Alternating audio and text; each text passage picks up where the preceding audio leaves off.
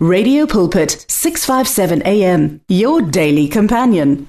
Kulohlelo lapho sithi khona mphatlalatsane ekseni kungolosihlanu umlaleli ngilithathe leli thuba ngikubingelele egameni elihle igama lenkosi Jesu Kristu waseNazareth. Phinde ngibonga nakubahle nhlapho ukusibusa ngaleli thuba. Bahle uNkulunkulu akubusise. Siyaqhubeka ke emlaleli nendaba yethu. Namhlanje sizobheka ukuthi inkosi yakwaIsrayeli kwenzekani enhlizweni yayo noma kuyona mlaleli ngesimo leso amaSamaria ayebhekene naso. Siyakhumbula ukuthi evikele endlule lenkosi eyenzelwa umusa, lenkosi eyenzelwa idili, yenzelwa amabutho ayi idili, yenzelwa inkosi yakwaIsrayeli. Isiphindisela ke okuhle ngokubi. kungakubalulekile uma uwumntwana kaNkuluNkulu ukuthi ke ungaphindiseli okubi ngokubi phindisela okubi ngokuhle iBhayibheli lithi ke abasizondayo izitha zethu abasizingelayo. Sibaphathe kahle sibabusise. Mlaleli umsebenzi wethu inkosi yethu yasiyalela lokho. Umprofeti uElisha bamzingela bamzonda kepha wabaphatha kahle. Wasebecela ecela inkosi ukuthi ke ibenzele idili. Ake sibone ukuthi ke emva kwalokho kwase kwenzakalani ke mlaleli? Siyaqhubeka ke kwe kumakhosi wesibili chapter 6 siqhubeke kuverse 26 lapho izwi lenkosi lithi ke kwathi inkosi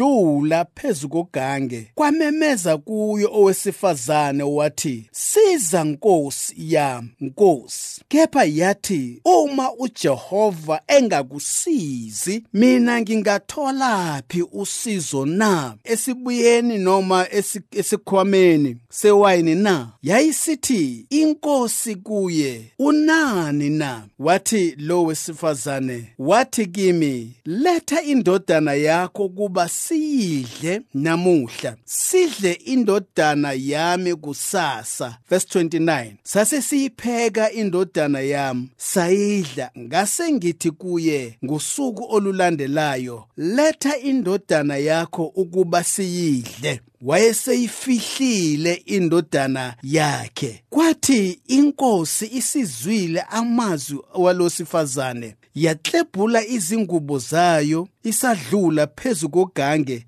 Abantu babuka bheka yayinendwangu yamasaka phansi emzimbeni wayo. Mlalele isihlungu esingaka. Izwi lenkosi lithi inkosi yakwaIsrayeli yathi uma isihamba hamba phezu kogange mlaleli kwabakhona owesimame omemezayo ngenxa yendlala eyayikhona mlaleli.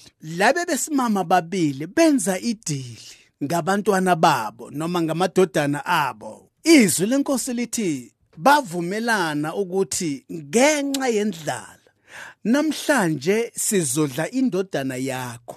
iBhayibheli lithi ke kwaba njalo. Bayibulala indodana bayipheka indodana bayidla zagcwala iziso umlaleli indlala esiphendula abantu amazimzimi kepha izwi lenkosi lithi ngakusasa sekumele ke manje kube yi omunye lo wesimame ozo ekuzobulawa indodana yakhe bese bayipheke bayidle. Lo omunye wesimame udlile indodana yalowo omunye wesimame. Kepha uma sekufika ngakuye iBhayibheli lithi wayeseyifihlile indodana yakhe. Mlaleli wayesenze njani? Wayeseyifihlile indodana yakhe. Manje lo wesimame socela usizo enkosini ukuthi ike khulume nalo wesimame ngoba indodana yakhe sebayibulele sebayidlile ngenxa yendlala. Mlaleli zinengi izinto ezimbi ezenzeka ngenxa yendlala. Abanye babulala abantwana babo ukuze bathwale ngenxa yendlala. Abanye babulale ingane zabo ukuze babe nezibusiso zemimoya emibi mlaleli ngenxa yendlala. Abanye mlaleli babulala ama-families ngenxa yendlala. Bafuna mlaleli ukuthola izimali ngokubulala abantu abanye ke mlaleli ke ngenxa yendlala baphenduka izinkabi namuhla. Akanalutho nje nomuntu. Enhlizweni yakhe ubheke imali bamnike imali ukuze ayobulala abanye abantu. Kepha ke namhlanje la siyafunda ukuthi ngenxa yendlala laba ebesimambe babulala indodana eyodwa bayidla. Kepha lo munye ke wayeseyifihlile. Mlaleli ingozi indlala. Yenzisa abantu izinto ezimbi. Abayingenxa yendlala. Bakhuthuza bakhuthuza even nama-families abo. Batshontsha batshontshele even nama-families abo ngenxa yendlala. Kepha la izwi lenkosi lithi-ke inkosi yayisiphendula yathi kuye uma uJehova engakusizi mlaleli. Uma uJehova engakuncedi mlaleli mina ngizolithathaphi uncedo na? Awu mlaleli izwi lenkosi lalithi nalenkosi yayazi ukuthi ke uncedo luvela kuJehova kwaphela. Kungako uDavid athi ngiphakamisela amehlo ami ezintabeni. Kuyilapho usizo lwami luvela khona. Usizo lwami luvela kuJehova.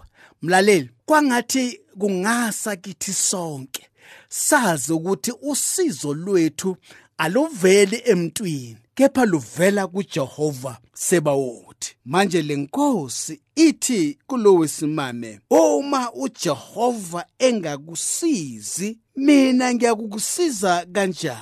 Uma ungalitholi usizo enkosini mina ngiyakusiza kanjani? Lo simame umeselanda umlando wakhe umesalanda usizi lwakhe kulenkosi lenkosi yabona ngempela ukuthi abantu bayo basenkingeni. iBhayibheli lithi yayisihlebhula izingubo zayo kanti ke futhi ngaphansi kweingubo zayo beyigcoke ingubo yesaka mlaleli yokuzila. Awu kwangathi singaba nabaholi abanjalo.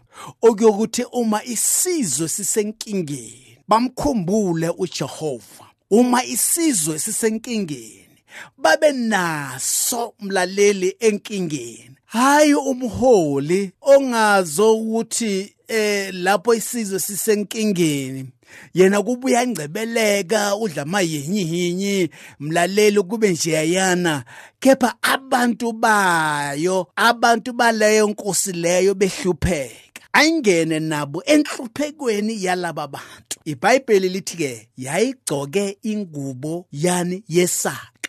Uma isihlebhula lengubo zayo iBhayibheli lithi ke kwavela ke lengubo yesaka. Mlaleli uma uJehova engakusizi ubani umuntu ozokusiza na? Kubalulekile ukuthi ke umfune uJehova esenokutholakala. Mlaleli usizo lwethu luvela kuJehova. Ngenxa yesikhathi sesizokuma la mlaleli. Ngizothatha le ntambo ngiphinisele kubahle. Bahle intambo kwezakho baba ilapha ekhaya mlaleli. The words of the Lord are words of life. Your heart is on 657 AM. 657 AM. Radio for believers in action.